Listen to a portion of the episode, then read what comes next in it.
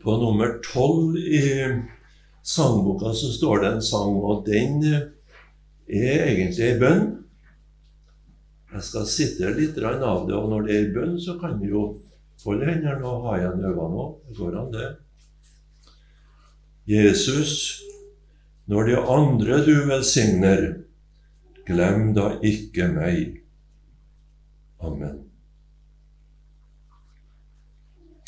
Bakgrunnen for den sangen er vel hun Fanny Crosby som eh, var i et fengsel i Amerika og så holdt andakt. Og så var det fra et av det her eh, fangerommene da, at hun hørte et nødskrik etter at hun holdt andakt der. Og Det var jo sagt på engelsk, da, men det der er Jesus, ikke gå forbi meg. Hun har nok holdt en andakt om Jesus som gikk forbi på veien, og dem som ropte etter Jesus om helbredelse. Og så har han vel fatta mot, og så roper han ut Jesus, ikke gå forbi meg. Ja, det går an å be om at Jesus stanser hos oss. Det går an, det. Vi skal, vi skal lese det som eh, en av tekstene eh, som eh, er bakgrunnen for det som vi sang. Bryt du det livsens brød, frelser for meg, som da ved sjøen du miskunna deg. Det står i Lukasevangeliet, i det femte kapitlet.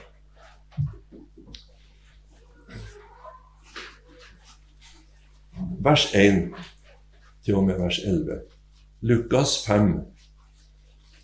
Så skjedde det at folket trengte seg sammen om ham for å høre Guds ord, og han sto ved Genesaretsjøen.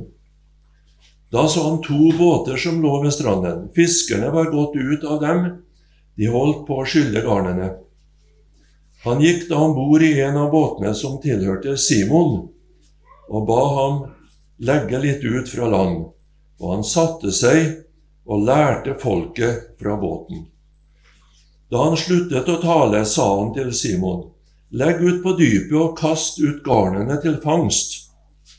Simon svarte og sa til ham, Mester, vi har strevd hele natten og ikke fått noe. Men på ditt ord vil jeg kaste ut garnene. De gjorde så, og de fanget så mye fisk at garnene holdt på å revne. De vinket da til lagsbrødrene i den andre båten at de skulle komme og ta i med dem. De kom, og de fylte begge båtene slik at de holdt på å synke. Men da Simon Peter så dette, falt han ned for Jesu knær og sa, Herre, gå fra meg, for jeg er en syndig mann. For redsel kom over ham og alle dem som var sammen med ham, over fiskefangsten de hadde fått. Likedan var det med Sebedeus-sønnene Jakob og Johannes, som var i lag med Simon. Men Jesus sa til Simon, Frykt ikke, fra nå av skal du fange mennesker.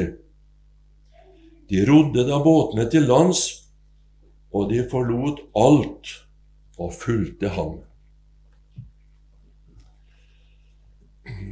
Det her skjedde altså attmed Genesaretsjøen, der Jesus kom gående.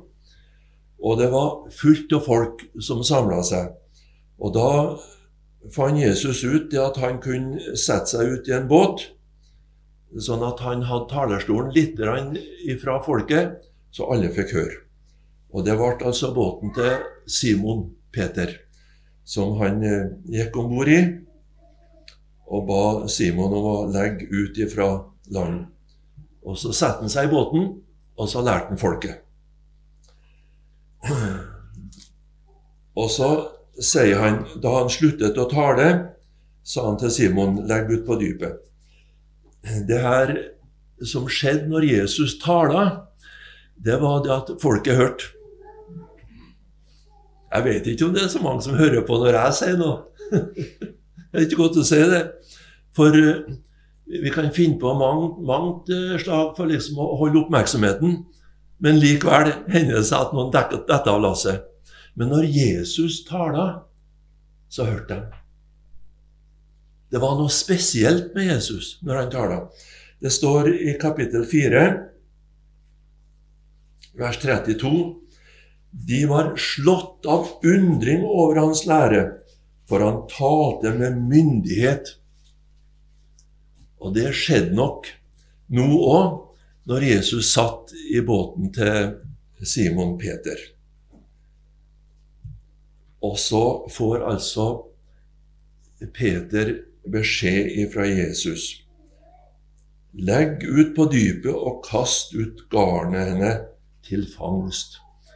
Og det var litt uvanlig, for Peter var fisker, og han eh, har holdt på hele natta for å få fangst. Og den natta hadde det mislyktes. da. Det kunne vel skje at de ikke fikk noen ting. Eh, men eh, de prøvde ikke om dagen, nei. For da var det nokså liten sjanse for at det kunne bli noe fangst, ja. Så det, det var ikke å, å, prøve på. Men når Jesus sa det, så sier altså Peter at eh, han skal gjøre det. Men han sier 'på ditt ord, Herre, skal jeg gjøre det'. Han ville ikke ha ansvaret for dere sjøl, nei. Dere, når de har kasta garna og ikke fått noe da, så skulle iallfall ikke han ha ansvaret for det. Det ble på Jesu ansvar, altså. Det var tydelig at det var sånne ting som var i bildet her. Og så skjedde underet. At eh, garna gikk fullt av fisk. Og de klarte ikke å dra det opp i båten, så de måtte få hjelp av eh, lagsbrødrene, de som var i den andre båten. Og de kom, og de fylte begge båtene med fisken. Det var et under som har skjedd. Og nå har Peter sagt det på forhånd. Ja, på ditt ord skal jeg gjøre det. Så det ble på Jesu ansvar. Og han gjorde det der store underet for dem.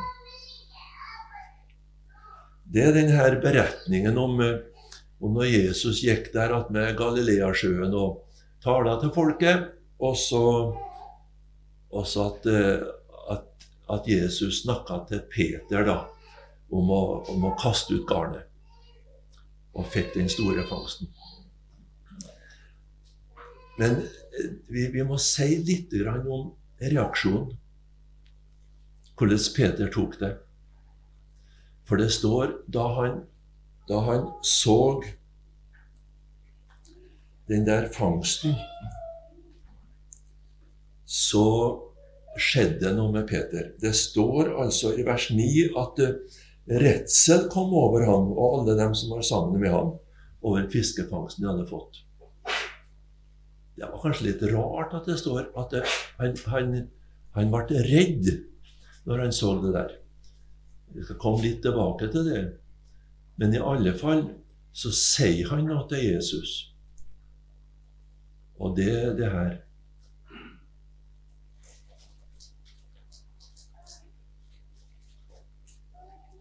Herre, gå fra meg, for jeg er en syndig mann. Det står i vers 8 der. Herre, gå fra meg, for jeg er en syndig mann. Det, det var noe som, som, kom opp i tankene til, til Peter når han opplevde det der.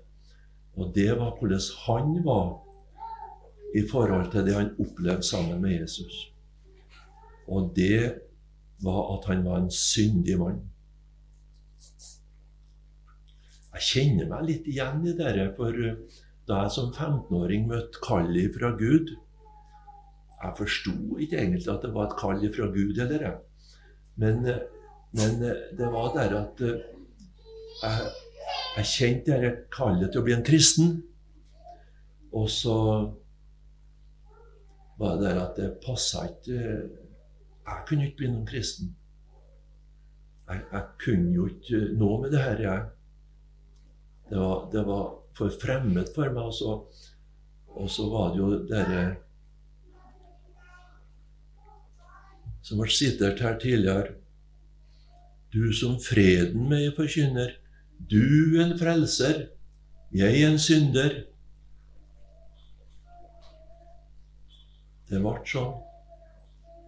Jeg, jeg må kalle meg en synder i forhold til det, det med Jesus. Og, og, da når jeg knekte hendene, så, så, ble det så helt naturlig at det falt i bønna mi. Du må tilgi meg synda mi. Jesus, du må tilgi meg synda mi. Jeg ble en synder, altså. Og her sier altså Peter det samme. Gå fra meg, for jeg er en syndig mann. Det var reaksjonen til Peter. Det gikk bra med Peter fordi om han sa det her. altså. Det leser vi jo videre her. Men vi, vi leser om andre reaksjoner i Bibelen om når de opplevde under fra Jesus. Jeg skal ta med et, et stort under som skjedde det var eh, der i Johannes-evangeliet se om jeg finner det nå.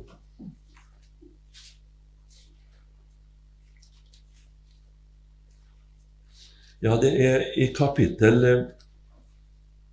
i kapittel 6 i Johannes-evangeliet. For, for, der står det eh, som overskrift eh, over kapittelet her til meg da Jesus metter 5000 menn.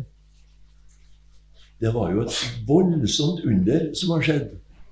At, eh, at denne guttungen som har med seg det som kanskje kunne sammenlignes med en matpakke, da, at uh, han overlot det til Jesus, og så ble det mat for 5000 menn.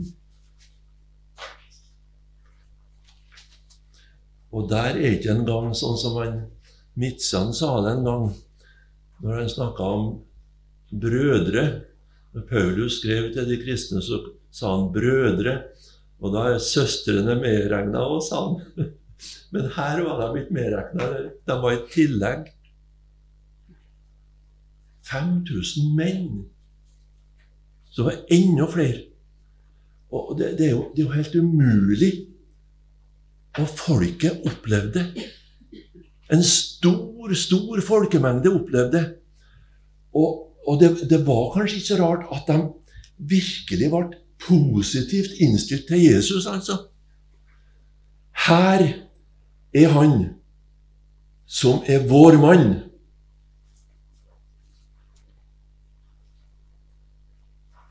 Jeg vet ikke hvordan det er med dere som er voksne her, om de bruker å delta i noen sånn stortingsvalg og kommunevalg og sånne ting. Det er mange som eh, kvier seg for det, for at de finner ikke sin mann. Det er litt sånn Nei, herre, jeg vet ikke hva jeg skal stemme på her, for jeg finner ikke noen som jeg syns jeg kan stemme på. Her har de funnet mann. Det var virkelig løsningen, altså. For det, for det står der i Johannes 6, vers 12 Da de var blitt mette eh, Skal vi se i vers 14. Da når folket så det tegnet han hadde gjort, sa de, dette er i sannhet profeten som skal komme til verden. De har lest i, i det som vi kaller Gammeltestamentet. Det var deres bibel, det. Moses har sagt at Gud han skal sende en profet, akkurat sånn som han har sendt meg. Og han skal dere høre på. Og nå har de funnet mannen. Han er den som skulle komme til verden, og som skulle bli den store redningsmannen. Nå har han altså metta dem med brød. En sånn, sånn liten mengde brød. Et så stort under som har skjedd. De var altså så positive til Jesus. Og så står det i verset etterpå enn at Jesus kunne si det. Da når Jesus skjønte at de ville komme og ta med makt for å gjøre ham til konge, trakk han seg igjen tilbake og gikk opp i fjellet, han selv alene. Han trakk seg unna dem som var så begeistra for ham, enn at Jesus gjorde det, da. Det var i alle fall dem som var begeistra for Jesus. Men de har fått se underet. Og Jesus, han godtok ikke. Og litt seinere så står det det at han klandra folket òg. Fordi at de, de hadde ikke forstått tegnet. De har ikke forstått det.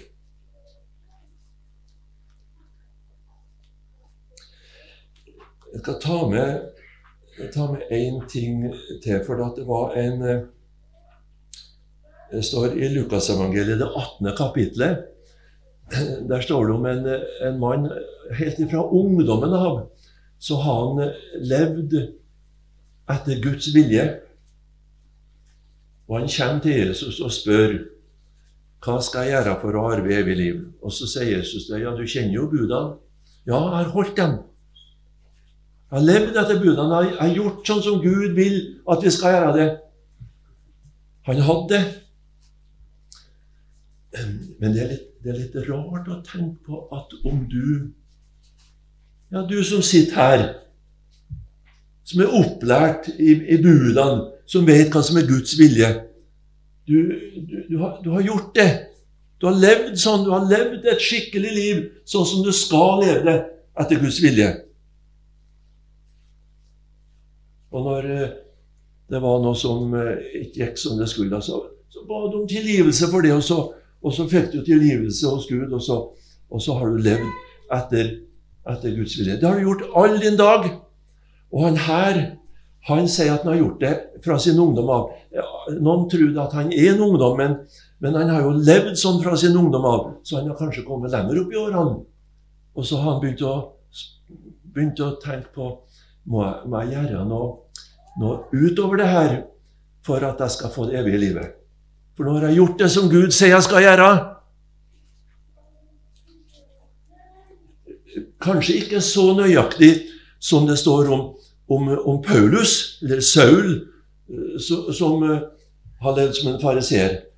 For han sier det at etter loven så er jeg ulastelig det er ingen som kan klandre meg for noen ting.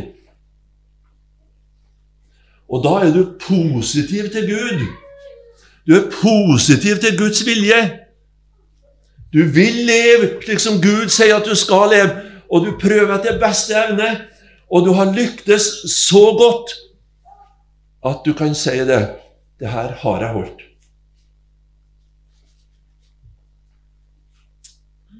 Sånn var denne mannen som kom til Jesus. Jeg har holdt det her helt fra min ungdom av. Jeg har holdt det her. Hva er det jeg mangler? For på den veien så får ingen frelsesvisshet.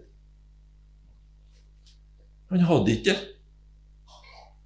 Han hadde ikke noe visshet om at han fikk det evige livet. Det er rart, det. At ikke han kunne få det. For han har jo gjort, han har gjort så godt han kunne. Og han har lyktes med det sånn at andre de, de kunne ikke klandre ham for noen ting heller. Og, og sånn, sånn, var jo Saul. Ingen kunne klandre han etter loven ulastelig, som han sa. Men, men frelsesvissheten fikk ikke han der. Og så kom han til Jesus den Herren og, og spurte hva skal jeg gjøre for å arve evig liv. Men hva er det som mangler meg nå, da, sa han til Jesus. Og enn at, enn at Jesus er så, er så avvisende overfor han. Kunne ikke han sagt at 'du har gjort godt nok'? Jeg godtar dere. Du har gjort godt nok. For, for menneskene de er ufullkomne, og, og det, som, det, som, mangler det som ikke du har klart, det, det, det skal jeg tilgi. Så det er godt nok, det du har gjort. Sånn lever mange mennesker. De tror det, at når jeg har gjort så godt jeg kan, så slenger jeg på ei bønn til slutt, og så sier Jesus at det er bra. Det er bra. Du har vært positiv til meg. Du har vært positiv til Guds ord. Guds lov har du tatt alvorlig. Du er en positiv kar. Du skal nok få slippe inn i himlenes rike og få det evige livet. Du som er en sånn kjernekar. Ja, enn om Jesus kunne ha sagt det til oss. Å nei, å nei, hvor svært det har vært. Men han sier ikke det. Vi lærer det ut ifra det han sier til den unge mannen, den rike unge mannen som det står om i, i Lukas 18. For der sier Jesus det. Ett mangler du ennå. Selg alt det du eier, og del ut til de fattige. Så skal du få en skatt i himmelen. Kom så og følg meg. Han stengte jo døra for ham. Hvorfor gjorde han det, da? Han, han var jo så positiv til Jesus. Hvorfor stenger han døra da? Ja, det kan vi undres på. Han gjorde i alle fall veien så vanskelig for ham at han skjønte det herre, det kravet er for høyt for meg. Og så snudde han Jesus ryggen og gikk. Han gjorde det.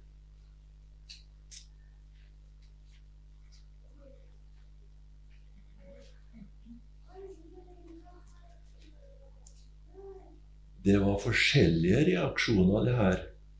Når Peter opplevde det store underet, så, så sier Peter, Gå fra meg, Herre, jeg er en syndig mann. Men eh, Jesus drog ikke fra Peter. Han stilte seg framom Peter der, og, og han, han, sa enda til, det, til Peter at uh, ikke vær redd, frykt ikke. Nå skal du få være med meg og fange mennesker. Han tok imot Peter. Og Det som er litt rart i det vi har lest her, det er at han tok imot Peter sjøl om ikke Peter ba om tilgivelse for sinna sine. Det er litt rart å tenke på, altså. For vi må nå i det minste be om tilgivelse for sinna vår. Hvis at vi skal bli tatt imot av Jesus, må vi ikke det? Jeg lærte lært sånn der, ja. Men uh, det står ikke her, altså. Det står at, uh, at uh, Jesus sier 'frykt ikke'. Du skal få være med å fange mennesker. Ennå, Jesus, ennå Peter bare sa det. Jeg er en syndig mann. Gå fra meg, du. Du vet, det, det, det, han, han er kommet langt, den som kan fortsette denne sangen. Du som freden meg forkynner, du en frelser, jeg en synder. Du med amen, jeg med bønn. Du med nåden, jeg med skammen. Å, hvor vi dog passer sammen. Du Guds salvede, Guds sønn. Han er kommet langt. Men da må du ikke gå bort ifra Jesus. Da må du bli stående der Jesus er. For det står faktisk Det har forundra meg litt når jeg leste det nå i Johannes evangeliet kapittel 8 der det står om at at det er ei, ei kvinne som blir dratt fram for Jesus, for hun har brutt ekteskapet. Og den som bryter ekteskapet, han skal steines, sa Mose lov. Og det der hadde han kanskje ikke eh, praktisert eh, Vet ikke. I alle fall så tenkte jeg nå skal vi spørre Jesus om det virkelig er så alvorlig, det der som, som Moselov sier. For de har nok tatt det så nøye etter hvert. da.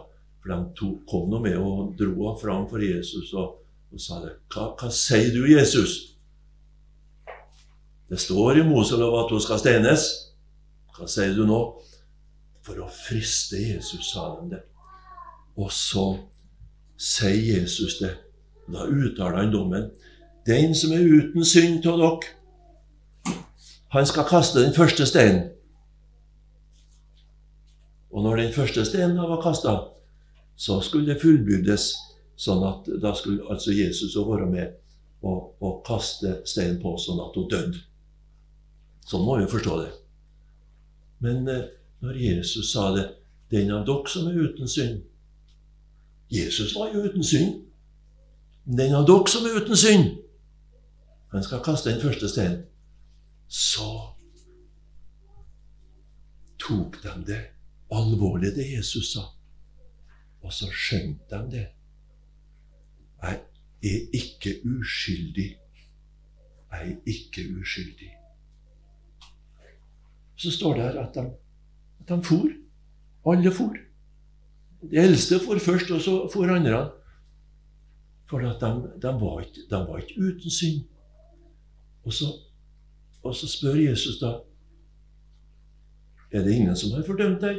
Nei. Så sier Jesus det. Heller ikke jeg fordømmer deg. Det var han som kunne kaste steinen, men han sa heller ikke jeg fordømmer deg. Gå bort og synd ikke mer. Du må ikke le slik. For du skal slippe fordømmelsen, for den har jeg tatt. Det har Jesus gjort for oss. Han har tatt fordømmelsen ifra oss.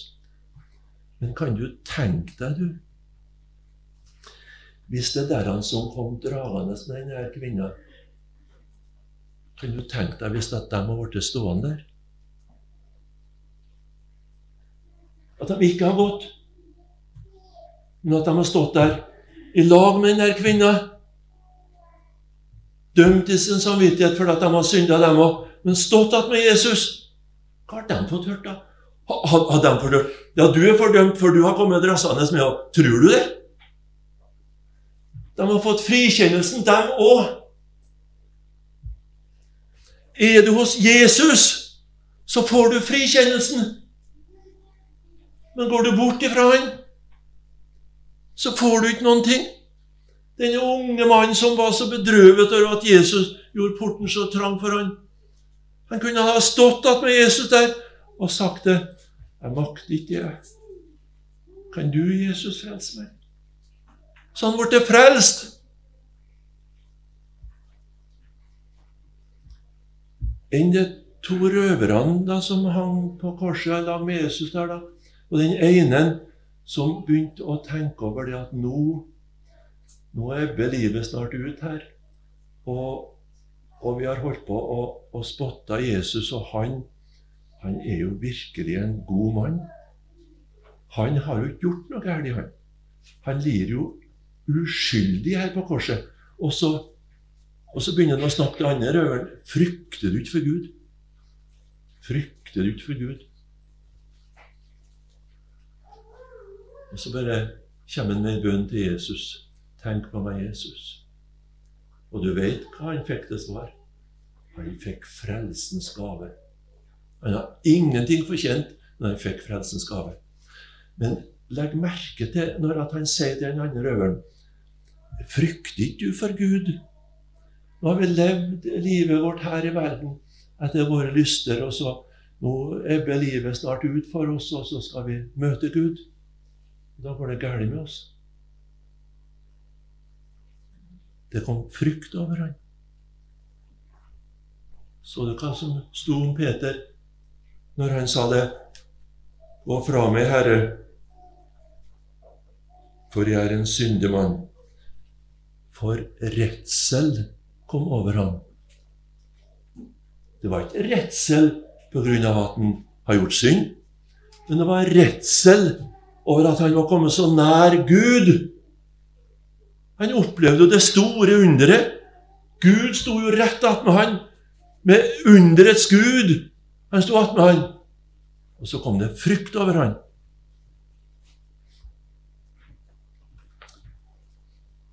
Vet du, det er, et, det er et kjennetegn, det. Det er et sånt enkelt kjennetegn at jeg kan spørre i denne forsamlinga Har du noen gang frykta Gud? Det kan du svare på. Har du noen gang frykta Gud?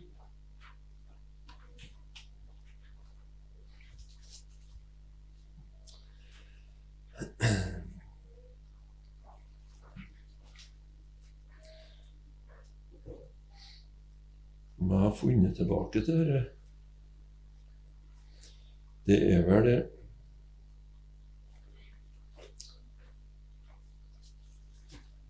Det er vel i Jesaja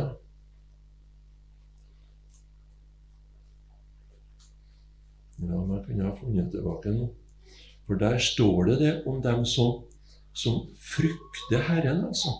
Som frykter Hans bud.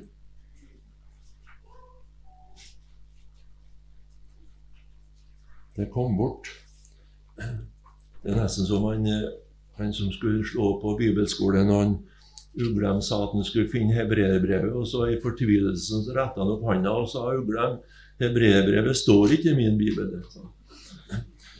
Det står nok her, men, men, det kom bort for meg nå. Men det er altså et, et kjennetegn, det derre, at, at, de, at de frykter. De frykter for Gud. Når Jesus kommer nær, så, så ja, men Da skulle du jo bli, bli bli begeistra, skulle ikke bli det? Som, som folket som, som ble metta der i ødemarka. Som ble så begeistra. Her er kongen vår! Her er han som vi skal krone! Og, og Jesus trakk seg unna. Mens de som ble som frykta Du vet når det står om at, om at Jesus han taler med myndighet, så falt det frykt på folket. Det falt frykt på dem. I Luthers forklaring til de ti bud så starter alle forklaringene sånn Vi skal frykte og elske Gud, så vi Og så er det forklaring hvordan budet skal forstås. Vi skal frykte og elske Gud. Har du kjent det noen Det er et nokså prøvsomt spørsmål. For det kan tenkes at du er akkurat slik som den unge, rike mann. Har gjort som du har bydd med. Som den heimeværende sønnen som sa til far sin, 'Jeg har aldri gjort imot ditt bud'. Men når denne sønnen din, som har eh, skusla bort arven og levd et dårlig liv, når han kommer hjem, så, så slakter du gjøkalven, og lager du fest for han. Men jeg har ikke gitt noen sånne ting. Han har aldri opplevd gleden over å få være et Guds barn. Kan det ha noe med dette der å gjøre? At du aldri har kjent på frykten for Gud? Kan det ha noe med det å gjøre? Spør deg sjøl om det.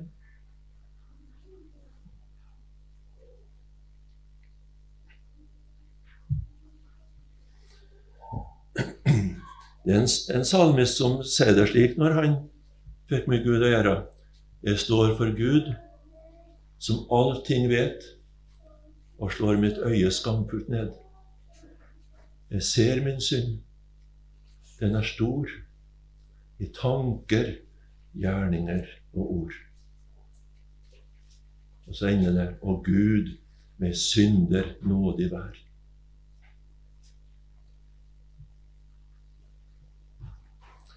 Det var to som var i tempelet og ba. Den ene han takka Gud for at han har fått lyktes så godt i livet. Og det var en annen en som sto helt nederst med døra der og slo seg for sitt bryst og, og, og, sa bare Gud vær meg synder nådig. Og du veit hva Jesus sa om de to han der. Den ene som uh, takka Gud for det gode livet han har fått levd, han ble ikke rettferdig. Men han som sa 'Gud vær meg synder nådig', han gikk rettferdiggjort hjem til sitt hus. Det står faktisk sånn.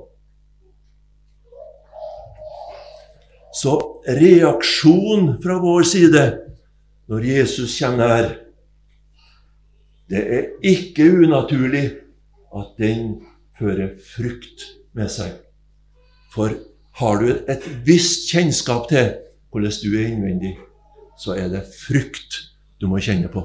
Det må være det, for det er en hellig Gud som kommer til deg. Det er ikke slik at Gud legger av helligheten sin når han sender Jesus til jord, og så, og så er Jesus den, den, kjærlige Gud som har omtanke og omsorg for oss, og, og som liksom skuffer oss inn i himlenes rike for at han vil at alle skal bli frelst. Det er den samme hellige Gud som kommer. Så det er ikke unaturlig at det er frukt som kommer i hjertet ditt. Det er ikke unaturlig. Og jeg spør igjen har du kjent på det noen gang? Jeg må fortelle deg om noe som hendte i min ungdom. Eh, det var i Trondheim. Og, og de som var med i gikk på videregående, heter det nå, da, med et gymnas, de var med i noe sånt skoledag, kristelig skoledag. Og så var vi kommet så langt at eh, vi skulle være med på noe sånn misjonsinnsats. Det var siste året vi gikk det, før vi skulle få eksamen. Skulle samle inn penger til misjon. Og så har vi liksom forberedelse på dette hele året. Kristenruss kalte vi det. Og så var det var det hun som ble eh, kona mi, første kona mi. Hun var med på en sånn eh, gruppe der de skulle forberede det. Og så ble det sånn, snakka litt om det der om, eh, om at vi var syndere. Og Så var det ei der som sa 'Jeg har aldri kjent på noe synd', jeg sa. Nei, hun sa det var ærlig sagt, det, vet du. For det er ikke alle sammen som trenger å kjenne på at de er noen syndere, og store syndere. Og så sa han, eh, lederen der at ja, hvis du ikke har kjent på synd noen gang, så vil jeg råde deg til gå hjem og be Gud om å vise deg synda di. Og så sa, sa kona mi Var ikke lag ennå da, men uh, sa hun da jeg vet ikke hvor det sto der som spurte, eller sa dere to det, men jeg for hjem, jeg sa, og ba Gud vise meg synda mi. Og jeg fikk se det, altså. Ja, hun sa det. Ja. Og da kommer frykten.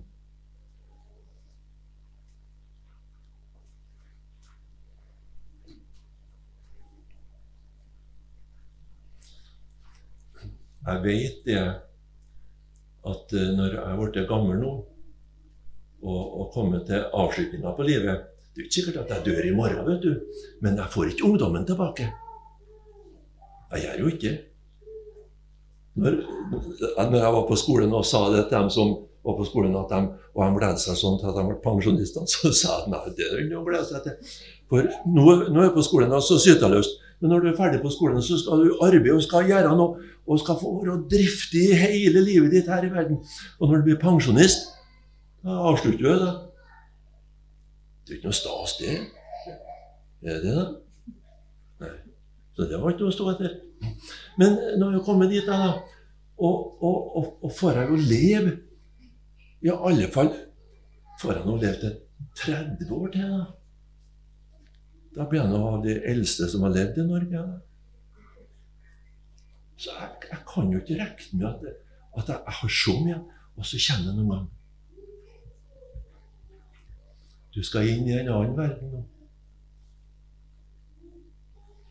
Han du har trodd på, han du har levd for, han du har bedt til. Han skal du møte.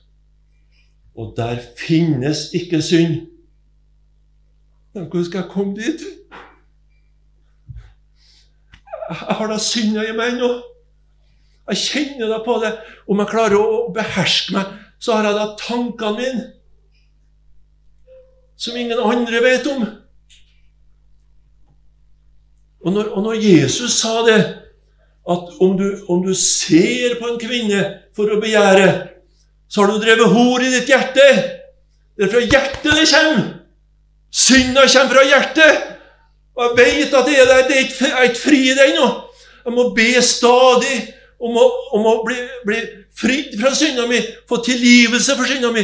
Og så, og så kommer det. Hva skal det bli da? Når jeg skal inn i den evige verden? Jeg kan ikke passe inn der. Det går ikke an, det. Hvordan skal det bli, da?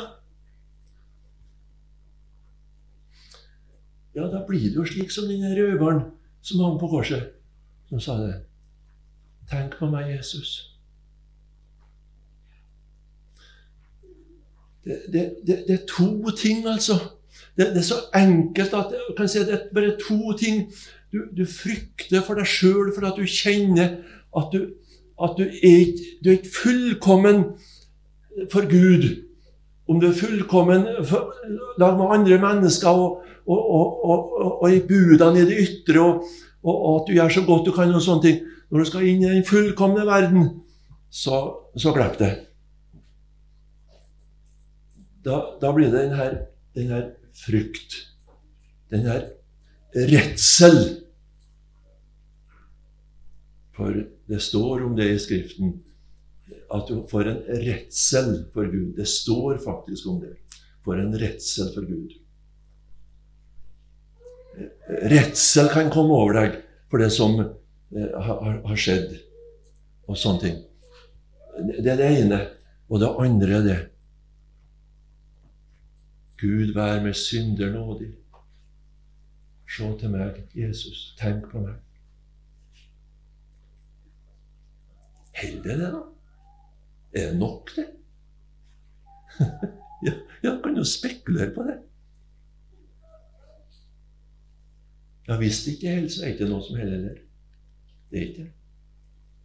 For Vi har hørt det såpass mye her nå på denne stemmen at det er ikke noen andre som kan frelse enn Jesus. Det er bare Jesus. Så kan du få knappe hendene dine og si til Jesus du må, må tenke på meg òg. Jesus. Gå må jeg forbi, og Jesus. Hør min bønn til deg. Han går ikke syndere forbi. Han stansa for Peter. Ennå han, han sa ikke det der du, du, skal få være med meg til paradis. Du skal få syndenes forlatelse. Han, han, sa bare nå skal du få være med meg og fange mennesker. Du skal få være med mitt følge. Og Peter, han gjorde som Jesus sa. Det, det, det er stort, det, altså. Er du i Jesu følge? Ja, Dere sjølsagt jeg er i Jesu følge. Nei, det er ikke noe sjølsagt. Det er når du kjenner frykt for deg sjøl og ditt eget hjerte i møte med en hellig Gud, og, og du kan kneppe hendene og si det. Du, Jesus, du er frelseren. Jeg er synderen. Du med nåden, jeg med skammen. Og vi da passer sammen. Du Guds salvede, Guds sønn det, det, er langt Når du har kommet så langt, altså, at du kan si det, vi passer sammen. For da har du fått opplevd det som det står i, i 1. Johannes brev, der, der, der, han sier Johannes at, at kjærligheten driver frykten ut. For så har Gud elsket verden, at han ga sin sønn den enbårne for at hver den som tror på ham, ikke skal fortapes, men har evig liv. Kjærligheten driver frykten ut. Det, det eneste der du får frelsesvisshet nå. Når du får legge deg ned i, i Jesu favn. Tenk på meg, Jesus. Og så du får høre ordet du skal få være med. For den røveren hadde jo aldri gjort noe godt. Han fikk ikke å gjøre noe godt igjen heller, for han var spikra til et kors. Så han skulle bare motta dommen. Og ennå til han fikk høre det. Du skal få være med. Ja, en slik frelser, det finnes ikke maken til. Og jeg tror at han er min frelser. Er han din òg? Kjære Jesus. Må du stelle slik med oss, du. At det ikke blir bare den store begeistringen og lykkerusen over at vi har fått komme inn i et kristent fellesskap og ha gode venner og, og få være slike som er kommet på solsida i livet. Men at vi kan få kjenne den der frykten for den hellige Gud, slik at det blir ei bønn fra hjertet. Gud, vær meg synder nådig. Og så sier du at da skal vi få rettferdiggjort hjem. Vi har ingenting gjort for deg sjøl, men det er du som har gjort det opp for oss. Boet er gjort opp, og du har gitt oss en evig arv, den som kom til deg. Vil du velsigne den som er her, de små de som kanskje kjenner lite til det her med frykten for den hellige Gud. Ungdommene som begynner å kjenne på det, at de blir stående skjelvende for en dommer. Den voksne som har så mange ting i livet som gikk galt, og som gjorde at det ble ikke så greit likevel. Og den eldre som tenker hvordan skal det gå nå, når jeg har levd livet snart ferdig. Du, Jesus, er den eneste frelseren. Så går det an å be til deg, vende seg til deg av et hjerte som er vendt bort ifra seg sjøl og mot deg, Jesus.